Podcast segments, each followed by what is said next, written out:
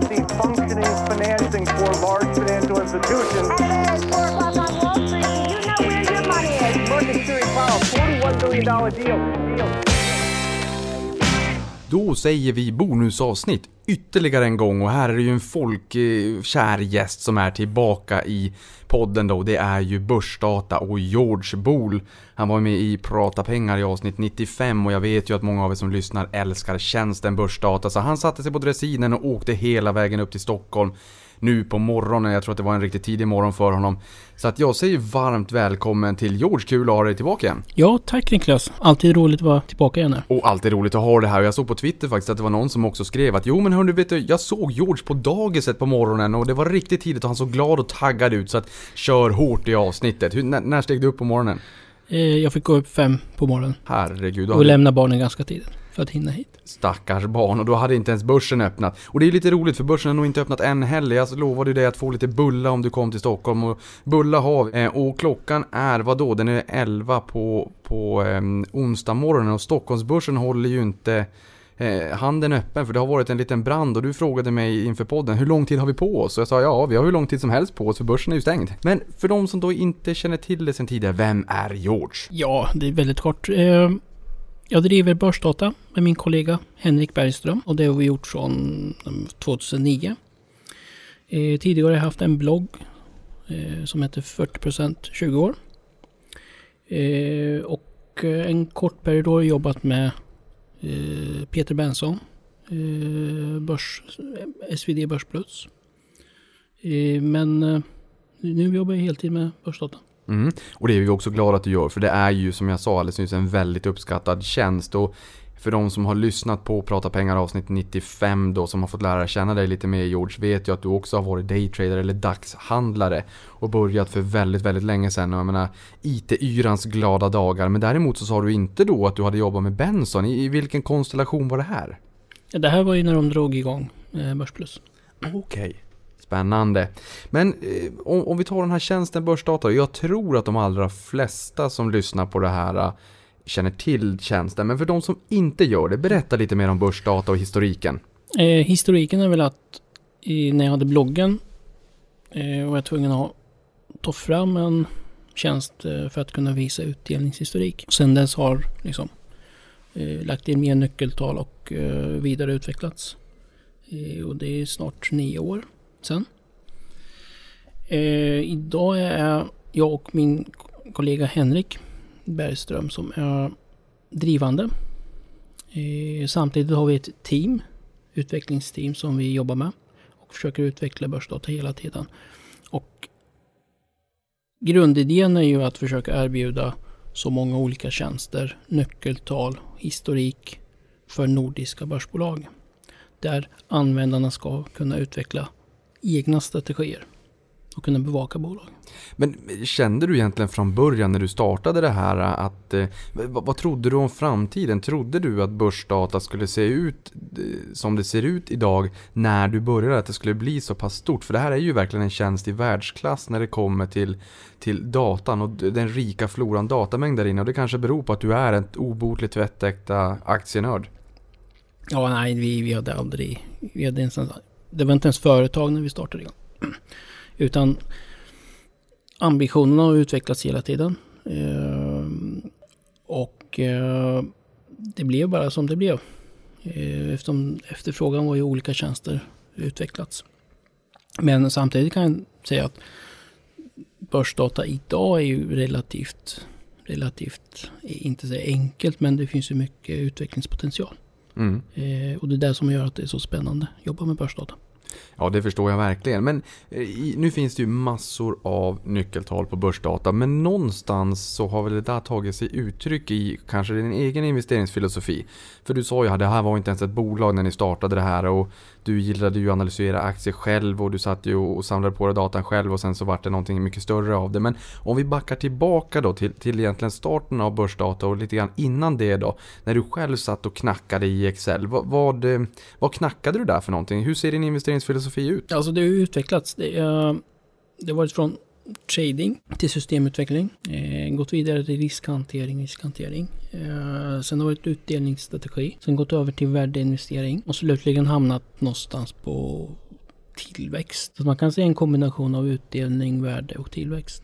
Du har nästan eh, daytradat inte bara aktier utan även strategier. Känner du att du har hittat hem nu eller känner du, är det några andra impulser som rycker i dig eller känner du att du har liksom hittat di- din, ditt sätt att approchera börsen? Nå, man utvecklas hela tiden. Ju mer man lär sig, ju mer inser att man kan väldigt lite. Du, vet du vad? Det där är det bästa, eh, det bästa jag har hört. För så är det verkligen. Att tro att man har hela sin strategi färdig dag ett, det är bara att glömma. Det, här är en evolution och man, den, den utvecklas hela tiden. Så är det också för mig.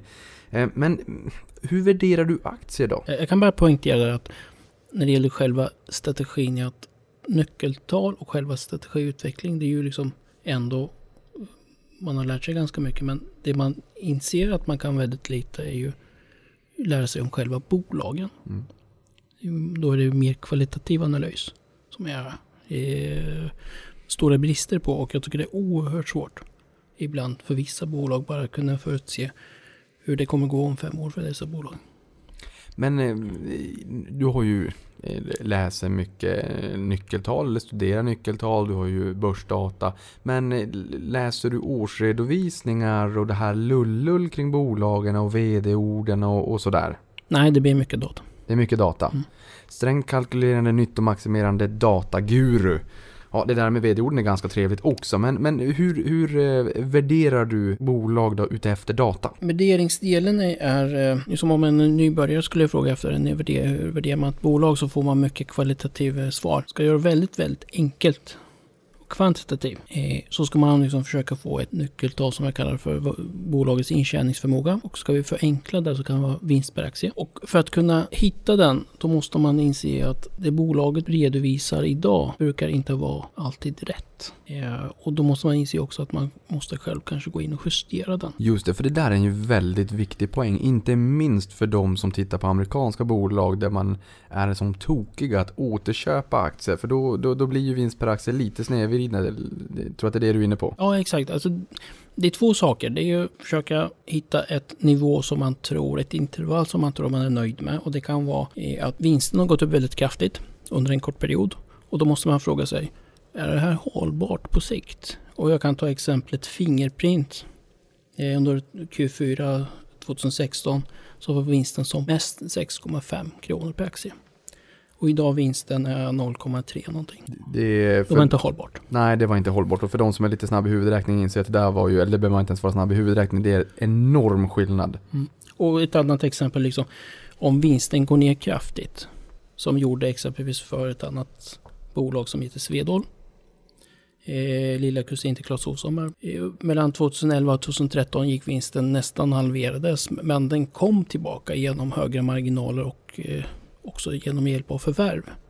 Men det är ju det som gör att man, liksom, vad, man tror om den rimliga vinstnivån. Och så ska man komplicera det så kommer ju avyttringar och bolag. Eh, ett bolag som nyligen avyttrade det gamla BB Tools, Bergman och Bevik, som avyttrade Momentum under Q1 2017. Och då måste man börja fråga sig vad är då den nya vinstnivån framåt när stor del av bolaget avvecklades. Och om man liksom, tar man fram års, eh, eller delårsrapporten Q1 kan man se att nästan en miljard gjorde bolaget en vinst på en miljard eh, av engångsvinst på grund av avvecklingen. Men tar man justerade siffror så ser man att det som är kvar är 37 mil- miljoner i jämförelse med 60 miljoner föregående år. Så att vinsten har nästan halverats, det som är kvar. Och det är det som är eh, man måste göra, man måste liksom justera den vinsten, eh, vad man tror om Eh, vinstnivå. Och det där är jätteviktigt med skick. Jag menar, I USA pratar man mycket om non-gap-siffror. Ehm, och det där eh, som du är inne på, den här miljarden då. Eh, ja, det är ju en, en engångseffekt. Den måste man justera för. Det, allt annat är ju helt orimligt. Men man kanske missar det där lite grann. Eh, Så just det där du är inne på, det där är ett eh, ovärderligt tips på vägen. Man måste ta med sig att det kommer att komma engångseffekter här och var som man helt enkelt bara måste justera för. Det är lite grann som när det kommer in bolag på börsen och, och de tar upp eh, noteringskostnader. Ja men det, kommer ju, det är ju verkligen på riktigt en engångskostnad om de inte blir utköpta och satta på börsen en gång till som Gränges exempelvis. Men, men det där är ett jättebra tips. Re- Regeln är ju om P-talet är 2, 3 eller Eh, 50, 60 eller 100. Då vet man att det stämmer nog inte. Nej, då att man måste kika på lite närmare där då. Mm. Men just det här med Fingerprint, för det är ju väldigt många som ägde Fingerprint. Den gick upp jättemycket och det blir ju så när en aktie går upp väldigt mycket så drar den till sig attention och väldigt många vill in. Tyvärr så var det väldigt många sparare i Sverige som kom in i ett sent skede. Och det var också en väldigt stark eh, sektkultur eller en subgrupp kring det här bolaget också. Men så här i efterhand då när vi har insett att aktien är ner 95% från toppen. Men baserat på den datan som du har på börsdata, hur hade man kunnat eh, se det här lite grann i, förväg? Eller om det är så att man vill titta vad en uthållig vinstnivå är över tid. Är det senaste året, tre åren, senaste fem åren? Eller, eller vad tycker du att man ska bedöma vinsten på för period för att få någon form av, av snitt? Nej, det är ju de som har en femårssnitt och de som har tioårssnitt eller treårssnitt. Det räcker. Eh, men regeln är ju att man måste fråga sig eh, mer göra en kvalitativ bedömning. Och inse att är det här vinsten hållbart för Fingerprint? Och jag tror det var väldigt svårt för att om, om du kollar på analytikernas bedömningar så låg det från allt ifrån väldigt låga multiplar till väldigt höga multiplar. Just Fingerprint var ju väldigt svårt att göra en bra estimat. Och det beror på att det är ju en ganska komplex verksamhet också. Ja, och då blir det ju också precis som du säger, om det är en väldigt stor spread, alltså skillnad i estimaterna, bedömningarna där ute, bland proffsen som ska, som ska vara och är duktiga på det här. Ja, men om de till och med har svårt att, att försöka nå någon form av konsensus, ja men då blir det ju svårt för de allra flesta och då blir det ju också slaget i aktiekursen eftersom att det, det, det finns en stor osäkerhet vad det korrekta värdet är. Eh, sen ska man inte glömma heller så när när det gick som bäst för Fingerprint så gjorde de återköp. De hade fantastiskt kassaflöde. Riktigt, riktigt bra vinsttillväxt, omsättningstillväxt. Och det, alltså det är ju i efterhand det är ju lätt att säga. Men när man, liksom, det var ju inte lätt och så enkelt att se det. Nej. Och, nej, och just det här med återköp, då ska man ju vara bra på timing också. För bolagen köper tillbaka egna aktier och det gör ju att ens egen exponering mot bolaget ökar ju. Och det gör ju att de behöver ju vara lite stockpickers. Och i det här fallet så gick det ju inte riktigt vägen. Men så här, precis som Warren Buffett har sagt, learn from your losses, you paid for them. Så att det är ju ändå vettigt att stå här med dig nu George.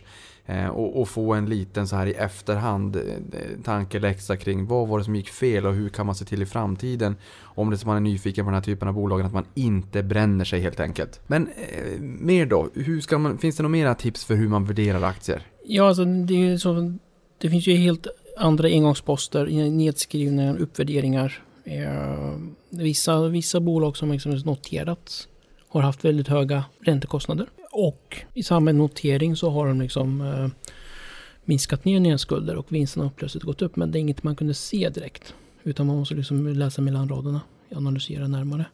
Eh, Likaså ett annat bolag som Stille, tror jag heter. Jo, stilla jag finns. Eh, när de hade som bäst eh, vinst under 2017 hade de ingen, de betalade ingen skatt. Bolagsskatt. Aj då. Och går man efter vinsten utan att justera för skatt då har ju liksom ganska lite högre. Det är nu de har börjat betala skatt och vinsten har gått ner från 16 miljoner till 14 miljoner exempelvis. Ja, tittar man på den vinsten då där de inte betalar skatt, då blir det ju lite luft i kalkylen. Så, så att, eh, nu ska jag inte gå in på detaljerna, men det, det finns ju alla möjliga justerings... Eh, eh, em, som behövs. Och, och det enda sättet är ju att kolla på resultaträkningen.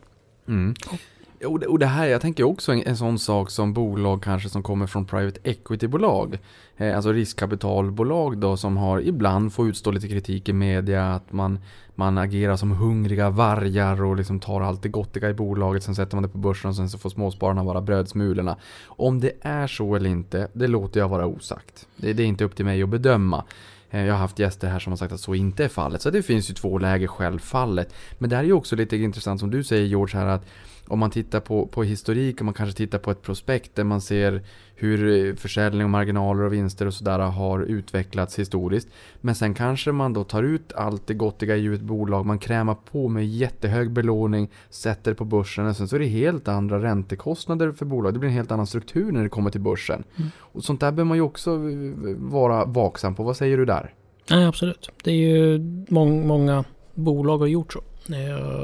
Eh, där har liksom eh, skuldsatt bolaget upp och eh, öronen och så, sålt i börsen. Med, där liksom genom nyemission eller på annat sätt eh, tagit bort skulderna. Mm. Och det är ju hänt flera gånger. Men finns det, förutom aktier då, för jag tänker för dig personligen, finns det några andra typer av investeringar som du gör, om vi då får inom citationstecken kalla det för alternativa investeringar? Är allting börs och aktier? Eller är, finns det någonting annat som du eh, favoriserar? Fast jag tänkte gå tillbaka till bolagsvärderingen där. Jo. För det det var ju steg ett. Mm. Att hitta ett bra vinst. Ja.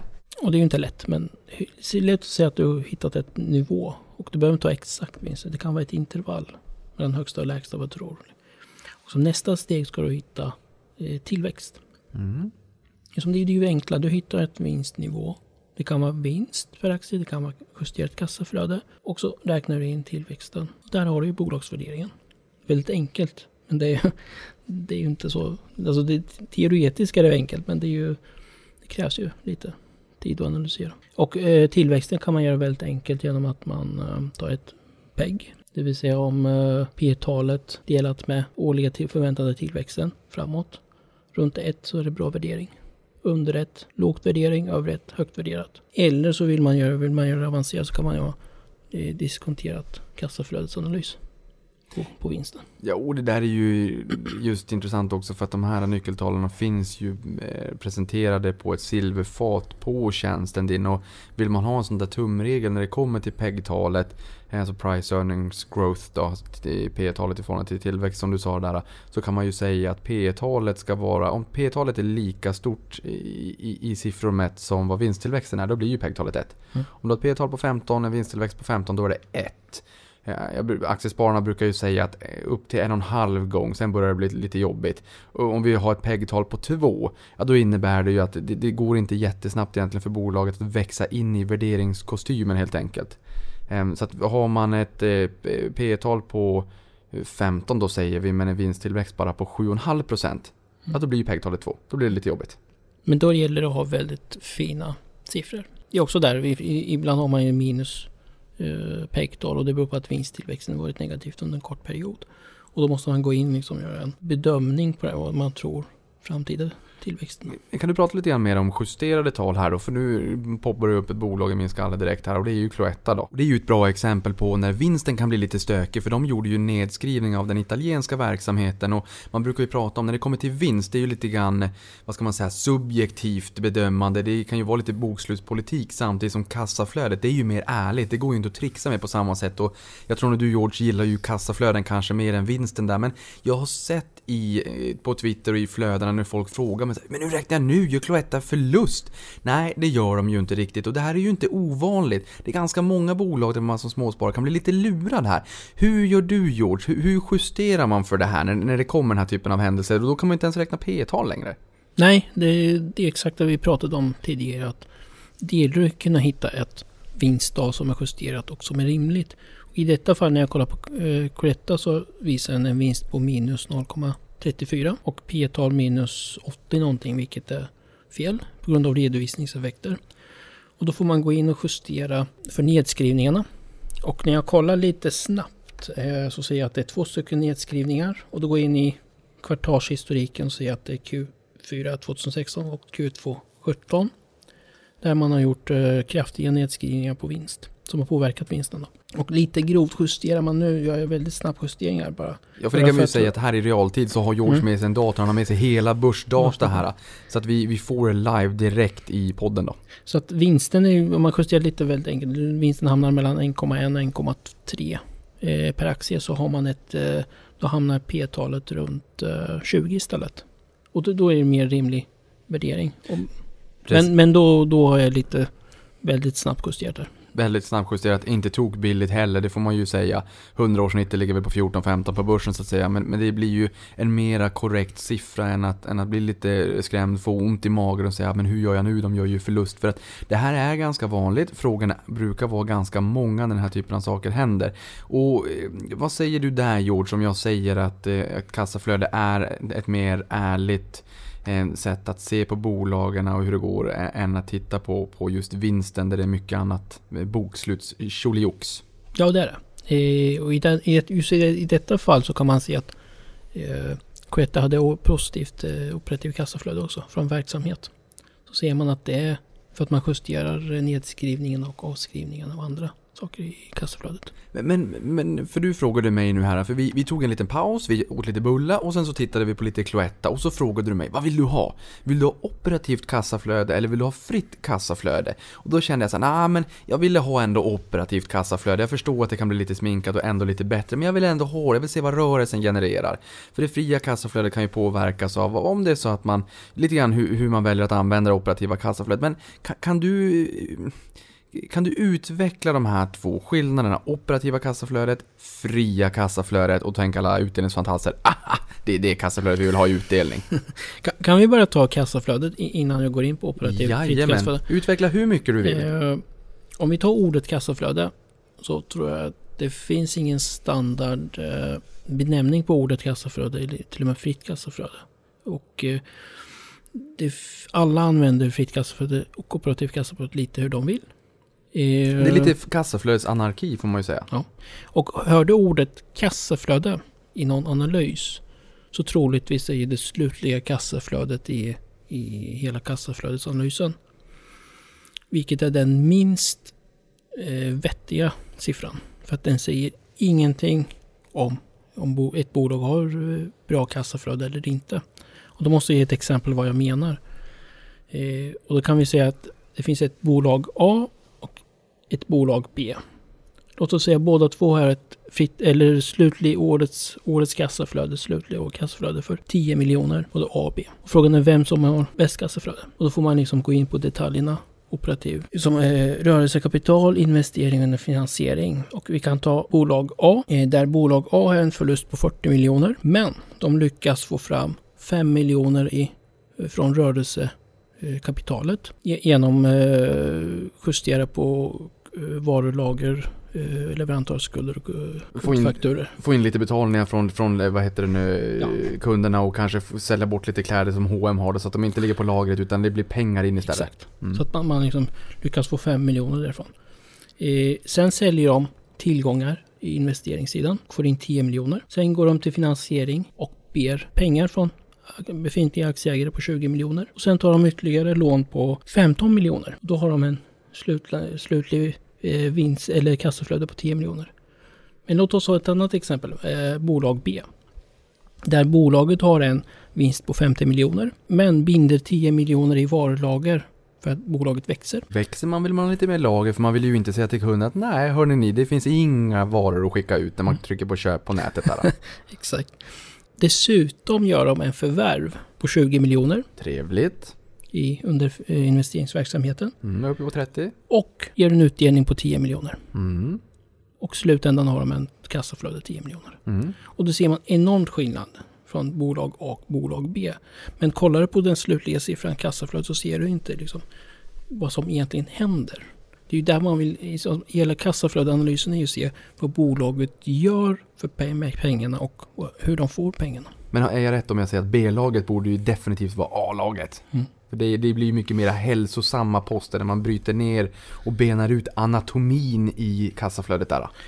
Så att när man har tagit det så att egentligen för mig är kassaflöde är ett justerat vinst. Det är ingen mening att gå in och kolla på kassaflödet om du inte ens kollar på en verksamhet som du tror har vettig omsättning och vettig lönsamhet över tid. Bolag som alltid går förlust ska inte ha positivt kassaflöde.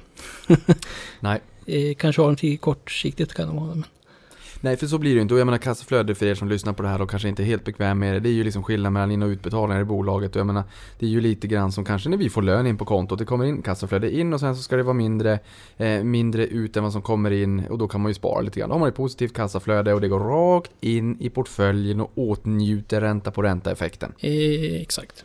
Och då kan vi ta din eh, fråga där också. Vad är skillnaden mellan operativ kassaflöde och fritt kassaflöde? Och då kom det att operativ kassaflöde är ju efter bolagets eh, rörelse efter bolagets eh, rörelsekapital, eh, förändringarna där.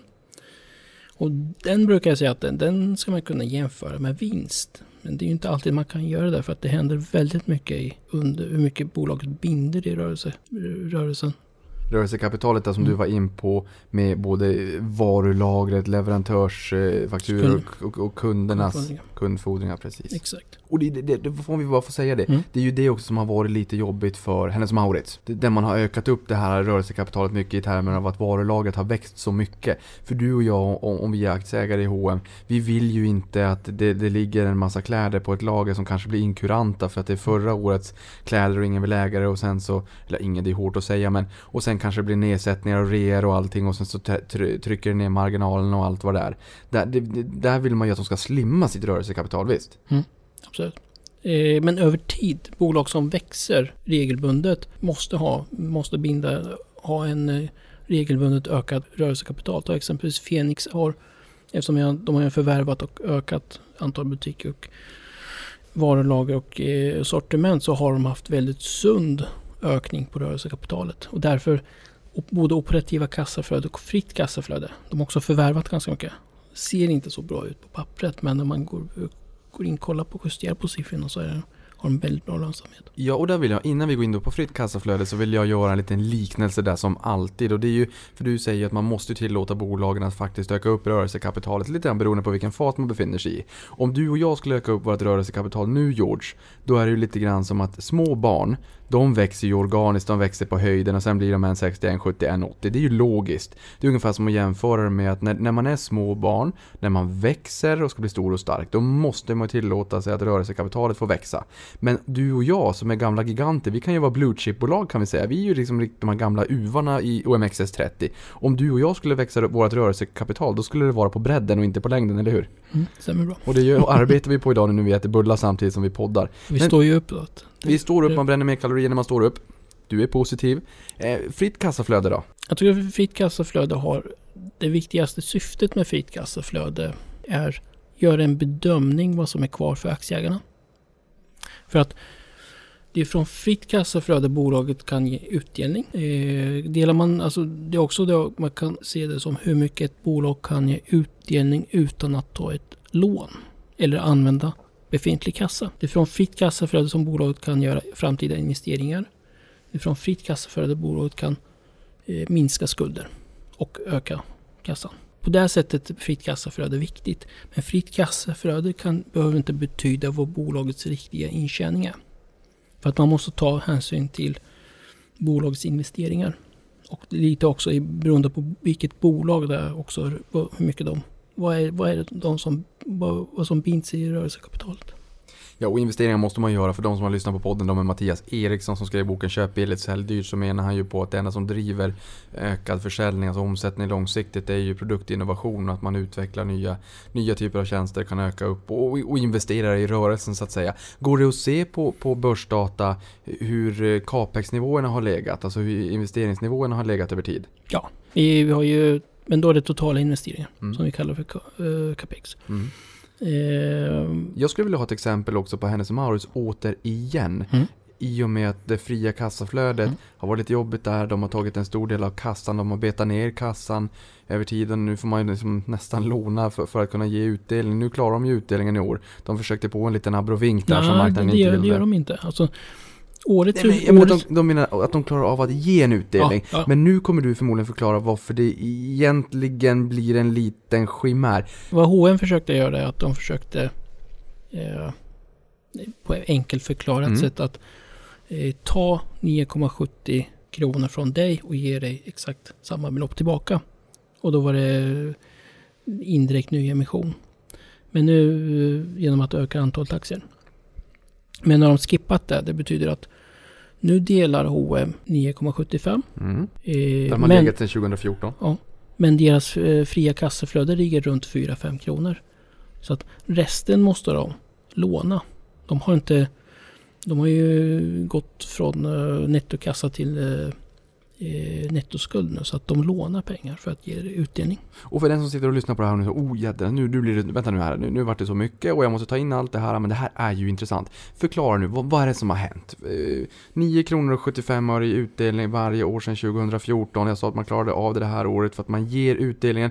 Men, precis som du är inne på, man klarar ju inte riktigt av det, det blir ju lite window dressing. Eh, förklara kort, en liten sån här eh, dummy, vad, vad är det som har hänt och hur ska man förstå det här som småsparare? Alltså det är väldigt enkelt. I senaste fem åren, jag tror det är sex till och med. H&M har inte klarat, eh, har inte haft tillräckligt mycket kassaflöde för att täcka utdelningen. Vad H&M har gjort då hela tiden att de hade, H&M har haft väldigt stort kassa så att man har använt kassan eh, för att ge utdelningarna. Man har knäckt spargrisen med andra ord. Mm. Och den, den har tagit slut för ett eller två år sedan så att man har liksom gått över till lån istället. Man har ökat sitt eh, nettoskuld. Det här låter ju inte bra. Kan det här bli en... Nu, nu kan det säkert också vara så att H&M lyckas vända den här trenden. Vi får ju hoppas det. Men, men kan det här bli lite av en värdefälla? Ja, alltså det är ju H&M måste ju sänka sin utdelning. Om, om nu liksom, vi har ju, om den här trenden fortsätter så måste de sänka sin utdelning. Mm. Jag tycker att det där är, det, det är ett bra, eh, det är ett bra medskick och nu har vi också fått lära oss lite mer om kassaflödet då. Men nu tycker jag i sådana fall att, då, att vi då hoppar tillbaka till de här alternativa investeringar. Är det, eh, eller är vi helt klara George? Vi är helt klara, jag har fått tummen Ja, det, jag kan säga liksom det viktigaste, de, jag har fått frågor också på Twitter, det viktigaste nyckeltalen det är operativ kassaflöde och fritt kassaflöde. Ja. Jag tycker att man ska ha båda två framme. Och framförallt också vinst och kunna jämföra dessa nyckeltal. Tre nyckeltal tillsammans. Jag trodde du skulle säga att man blir aldrig klar. Då skulle jag säga att jag hade inte kunnat säga det bättre själv. Men nu hoppar vi över till de alternativa investeringarna. Är det all in aktier för dig George? Eller finns det någonting annat i din ekonomi eh, där du gillar att investera i? Nej, det är ju aktier bara. Det är aktier? Mm. Ja men det låter... Inga, inga fonder eller... PPMA måste ju ha fond men... Eh, nej, det är ju inga... Inga alternativa. Nej. Nej. Nej men det är bra, du lever som du lär. Men tyvärr som sagt så måste du ha fonder i premiepensionen, det orangea kuvertet. Men vi- vilka är dina favoritbolag då? Ja, då kan jag ta några stycken här. Jajamän, bring it. Garo, Vitrolife, Novo Nordisk, Pandora, Vitec, Fort, Fortnox, Nibe, Axfood, Homemade, Phoenix och AQ. Mhm, Och vad är det som gör att de här bolagen eh, lyckas locka din gunst då? Alltså det är ju det är ju kombination av att det är stabil omsättningstillväxt över tid, fina marginaler, fin, fin lönsamhet. Eh, vissa av dem har väldigt fin nettokassa. Det har varit stabilt. Många av dem är stabil verksamhet också. Mm. Och det här med nettokassa, förklara det för de som inte är helt bekväm med det då. Eh, nettokassa är man tar bolagets eh, räntebärande skulder och från den så tar man bort räntebärande tillgångar som kassa eller placeringar. Och det som är kvar är antingen nettoskuld eller nettokassa beroende på om det är minus eller plus. Mm. Så i min ekonomi, om det är så att jag har ett blankolån på 100 000 och, och eh, kontobehållningar på, på kontot på 200 000, då har jag ju nettokassa kan man säga. Ja. Men då skulle du också tycka att jag är ganska dum som inte betalar av ett blankolån på 10% ränta. Mm. Lite så. Lite så. Ja, men berätta mer om bolagen. Eller har vi, har vi liksom betat av alla, alla nyckeltal som gör att du tycker att de här är spännande? Ja, alltså det, det är ju kombination av det. är ju utdelning, vinst, eh, tillväxt. eh. Så att det är ju liksom dessa bolag, om man vill analysera eller vill hitta bra bolag. Hur, hur ser en typiskt bra bolag ut? Historisk, vilka nyckeltal de har, vilka lönsamhet eller marginaler och allt annat. Då är ju dessa tio bolag som jag nämnde ju klockrent exempel på fina bolag. Mm. Men det betyder, att de, de, det betyder inte att de kommer att vara fina om fem, tio år. Utan där, där, där är ju liksom man måste ha en avgränsning. att Begränsningarna med nyc, eh, kvantitativ eh, nyckeltalsanalys är att det underlättar, gör en bedömning nuläget genom att kolla på historik. Och kanske underlättar, gör en bedömning eh, framåt. Men man måste ändå göra en riktigt bra, svår, men bra Mm. bedömning framåt och det är det som är svårast. Du, det jag älskar med att ha dig här George, det är att vi har 30 frågor som vi ska hinna med på en timme. Vi har hunnit med fem stycken på snart tre kvart. Eh, det kan inte bli bättre än så här. Jag älskar det. Eh, men, men om det är så att vi försöker... om vi försöker paketera bra nyckeltal då, eh, för att skicka med våra lyssnare. Eh, tänk dig att de ska liksom, ut i den vida världen och hitta fina aktier och, och lägga in i portföljen. Om vi paketerar ihop, kan, kan du bara kort sammanfatta vilka nyckeltal ska alla som lyssnar på det här ha med sig i sin verktygslåda när man ska ut och leta i bolag? Då, då ska jag ta fram kärnnyckeltal som jag har respekt för. Eh, som påverkar betydligt fler nyckeltal som också är viktiga. Och det är ju liksom, man måste börja från alltid från omsättning och omsättningstillväxt. Det är liksom- det är det viktigaste. Du vill knappast ha ett bolag som har minskande omsättning över tid. Bolag måste sälja mer tjänster och produkter. Det är där pengarna kommer in i bolaget. Det är entrén för pengarna som ska sen arbeta och, och eh, liksom skapa en vinst i bolaget i Mm. slutändan. Men pengarna är ju extremt... Det, det är där det börjar. Börja med omsättning och analysera gärna lite, fundera gärna kring hur, hur bolaget kan öka. Är det organisk tillväxt eller förvärv? Ökar de sina priser eller ökar de försäljningen och produkt och volymmässigt? Och det också underlättar lite att fundera framåt. Liksom hur, hur kan bolaget fortsätta öka sin omsättning? Nästa steg, marginaler, vilket är viktigt. Bruttomarginal, rörelsemarginal, vinstmarginal. Och liksom det viktigaste där är ju rörelse och vinstmarginal. Mm, vi vill inte bara att det ska komma in pengar i entrén utan vi vill ju också tjäna så mycket pengar som möjligt på de här pengarna. Gärna stabil och helst växande. Samtidigt är det ju så att har man för höga marginaler så kan det också vara ska inte säga varningstecken, men man bör vara försiktigt. Kolla gärna på branschkollegorna. Eh, har bolaget oerhört höga marginaler kan det vara ett tecken att de kan komma gå ner. Oavsett om bolaget har omsättningen växer så kan den, vinsten falla ändå. Det har vi sett på H&M. Ja men det där är ju en jättebra varningslampa just det där att om de är alldeles för höga. Jag tycker det är ett jättebra tips du skickar med att titta på sektorkollegorna.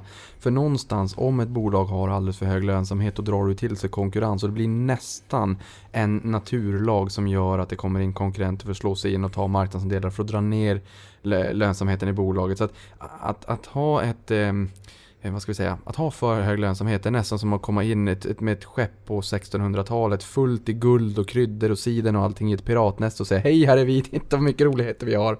Eh, Så det är ett jättebra tips på vägen. Mm. Och sen vet jag, för jag frågade dig när du kom hit, men, men okej, men, men det här med, med, med hur kan man se trenden då lönsamhetsmässigt? Jag hade velat se vilka bolag som lyckas öka trenden över tid och gärna ha en screener på det där. Och då sa ju du, det finns redan, såklart.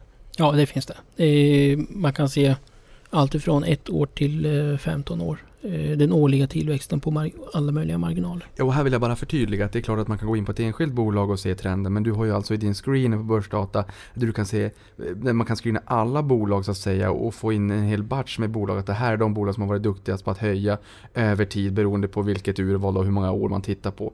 Så där behöver man inte gå in på varje enskilt bolag och titta, utan du har ju, du har ju gjort en filtrering av det hela. Mm. Och det är det jag tycker är det magiska i, i kråksången. Mm. Sen kan jag också tillägga när marginalerna, till exempel vinstmarginal. Det är också intressant att kolla på bolag som har väldigt, väldigt låga marginaler. Finns det möjlighet att om de kan förbättra marginalerna bara lite så kommer vinsten påverka vinsten väldigt mycket. Och där har vi ett, kolla på exemplet Axfood exempelvis senaste 5-10 åren. Eh, kolla på omsättningen och kolla på vinsten. Då kommer ni se att den stora vinsttillväxten kommer ju från marginalförbättringarna för att de har ju så låga marginaler. Det är, ju- det är ju väldigt liten ökning av marginalerna på exempelvis bolag som Axfood har eh, genererat väldigt fint tillväxt. Jo, det här pratade vi ju om i förra gången i Prata pengar också. Just det här om att vissa bolag kanske har låga marginaler men man är som en tor- torktumlare så man har en hög kapitalomsättningshastighet. Och kan man snurra en låg marginal fort, fort, fort, fort, fort, fort, fort, ja men det blir en rätt bra räntabilitet på det egna kapitalet. Men har man skyhöga marginaler och säger, säljer ett JAS-plan till Brasilien en gång om året, ja då blir det en affär jättehöga marginaler kanske men, men man säljer inte sådär jättemycket så att det här bolaget med lägre marginaler kan ju ha bättre eller större vinst på sista raden. Men kan inte du göra ett eh, kärt eh, återseende, kär comeback av exemplet mellan Nibe och Axfood som du drog förra gången Mm. och räntabiliteten på det egna kapitalet och hur man inte ska eh, bli lurad där. Dra det för lyssnarna en gång till. Mm, jag har ju inte siffrorna i huvudet där men Nej men vi säger att eh, Nibe har betydligt högre marginaler än, eh, än Axfood. Jag tror att de har en marginal på 3,5% och börjar komma upp strax över 4%. Och- du, du pratar om Axfood nu. Jo, Axfood har 3,5-4%. Nibe är mycket högre än så. Det kan vi nöja oss 10 med. plus, säg plus 10. Ja. Mm. Plus 10-15 procent. Vi börjar där. Eh, och det betyder inte att Nibe är inte lönsammare eh, för att man har ett högre marginal utan man måste också kolla på omsättningshastigheten. Hur mycket varor bolagen säljer. Omsätter, alltså omsätter hela varulagret. Så man kan ju säga där egentligen att Nibe har bättre marginaler på produkterna när de säljer dem än vad Axfood har. Mm. Men precis som du är in på nu och kommer komma in på, det beror ju på också hur mycket man snurrar varorna. Exempelvis eh, det jag, jag tror jag gav exemplet att Axfood säljer fler mjölkpaket per dag än Ni- Nibes eh, värmesystem. Väldigt talande och lättförståeligt exempel. Det ligger ju jättemycket i det där. Så att om man kollar på avkastningen, då, jag tror vi nämnde avkastning på eget kapital. Mm. Så var faktiskt eh, Axfood ett högre avkastning än Nibe. Mm. Så man kan säga att det är ännu, Axfood hade bättre lönsamhet på totalt sett. Exakt, och jag tror att vi, var väl på runt 40% där och Nibe ligger ju eh, en bit under det. Så att jag menar, även om det är så att vi hade lägre marginaler på Axfood i och med att de då snurrade och hade en högre kapitalomsättningshastighet så, så gjorde ju det att lönsamheten i Axfood faktiskt i slutändan var högre. Och det är ju också Charlie Munger, det han menar med det, att köp ett bolag som har en riktigt bra eh, räntabilitet på det egna kapitalet för då blir det riktigt, riktigt bra i slutändan. Sen beror det på hur, hur klart hur man, hur man värderar Eh, i kapitalet också. För att jag menar marknaden är ju inte dum. Är det så att ett bolag har en, en riktigt fin räntabilitet på det egna kapitalet då kommer man ju få betala därefter för kvalitet brukar ju kosta. Ja, fast sen har det ju bolag som har väldigt hög lönsamhet har svårt att växa också. det, det är också ett annat dilemma. Ja, det är Sverige är lite för litet också. Mm. Axfood kan inte bli hur stort som helst heller om vi tar dem som exempel. Ehm, Men vi har också fått in en fråga på Twitter där man vill veta lite grann vad man ska använda för olika typer av nyckeltal för olika branscher. Och det är en klockren fråga ju. För det är ju lite, man brukar säga att man ska inte kolla kanske på P tal över olika branscher utan kolla med Pearson, kolla på konkurrenterna i samma bransch för att det är lite branschspecifik karaktäristika. Och vad har du att säga där? Jo, jag skulle vilja skilja på eh, en enda stor sektor från alla andra. Det är ju finans och fastighet. Där har vi bland annat två branscher som skiljer sig väldigt mycket i nyckeltal. Det är investmentbolag och det är fastigheter. Eh, och anledningen investmentbolagen inte passar exempelvis vinstmått det beror på att de har oftast ingen omsättning. Det är oftast renodlade investmentbolag som äger börsbolag och eh, det enda deras omsättning ligger brukar vara utdelningar och andra poster. Eh, dilemmat är väl att deras resultat påverkas av hur bolagen utvecklas på börsen, substansvärde. Och det är ju redovisningseffekt, det är ingen kassapåverkande. Eh, Så att deras vinst svänger ju fram och tillbaka från plus och minus beroende på hur börsen har gått. Vilket är totalt missvisande. För vinst, P tal och princip, eh, stor del av traditionella nyckeltal. Ja, för det där blir ju lite grann som investmentbolagen. De har ju ingen rörelse. De är ju inte rörelsedrivande på så vis. Utan de, de äger ju en portfölj som du och jag. Och även om de inte mm, säljer aktierna i den här portföljen utan vill vara extremt långsiktiga. Så påverkas ju de om det är stökigt på marknaden. Och sen när de rapporterar så får de rapportera värdena så ser det ut som förluster. Det blir ju jättekonstigt. Så det är jättebra medskick. P tal fungerar inte på investmentbolag. Använd inte P tal på investmentbolag. Och det här har ju också också leta sig till USA har jag förstått. För det här är något som Warren Buffett också pratar om kommer att vara till nackdel. Och han är lite orolig över det här äh, i senaste brevet till sina aktieägare för i år då. När, när de tvingas redovisa eh, förändringarna i portföljen löpande på ett sätt som de inte har gjort tidigare heller. Han är orolig över att, att, att media inte kommer förstå det här när de rapporterar. Mm. Eh, och nästa bransch är ju fastigheter. Liknande dilemma. Eh, däremot intäkter och eh, hyresintäkter är ju, man kan jämföra som omsättning. Medan fastigheter har en annan benämning på bruttoresultat. De kallar det för driftresultat. Eh, och rörelseintäkterna kallar de för förvaltningsresultat. Och man ska säga förvaltningsresultatet är faktiskt eh, en väldigt viktig nyckeltal för fastighetsbolag.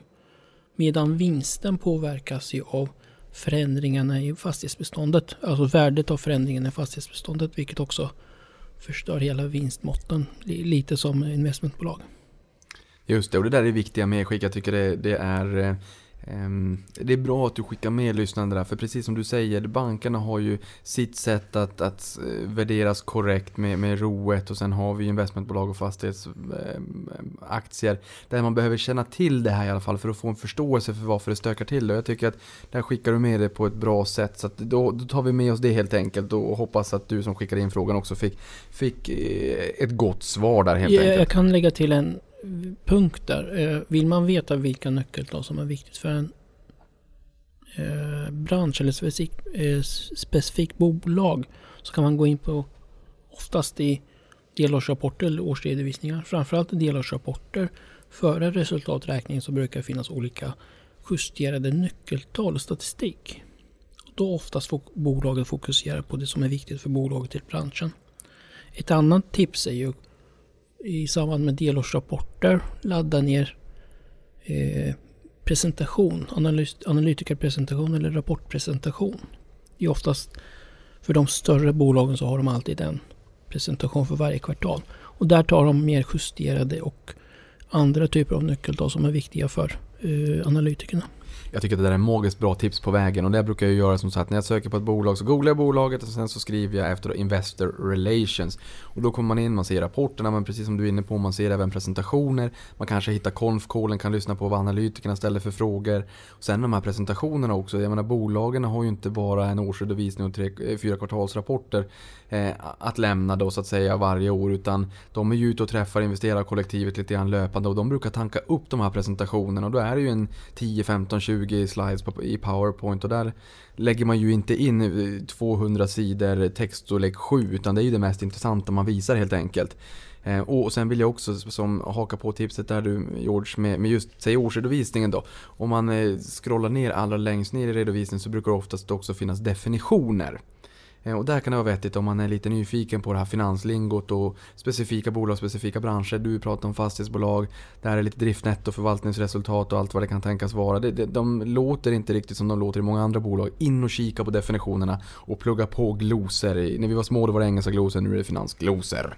Nu hör ni alla era nyckeltalsfantaster där ute. Nu har vi eh, kört på ganska länge här och precis som bilen om man kör lite för länge säger Now it's time for coffee break eller ett, liksom en vilostund så gör vi som så här att vi tar paus här Eh, I och med att den här podden blir lite längre så delar jag ju upp den i två delar. Så för er som tycker att ni har lyssnat på lite länge nu och det bubblar i huvudet. Eh, ta det lite lugnt, luta er tillbaka och njut av resten av dagen. Och för er som känner att ni inte kan få nog så kan ni hugga på på avsnitt nummer två. Jag släpper nämligen båda delarna på en gång. Så att antingen så gör vi så här att vi syns igen om några sekunder. Eller så syns vi, eller hörs i alla fall igen här om några dagar kanske. Tack!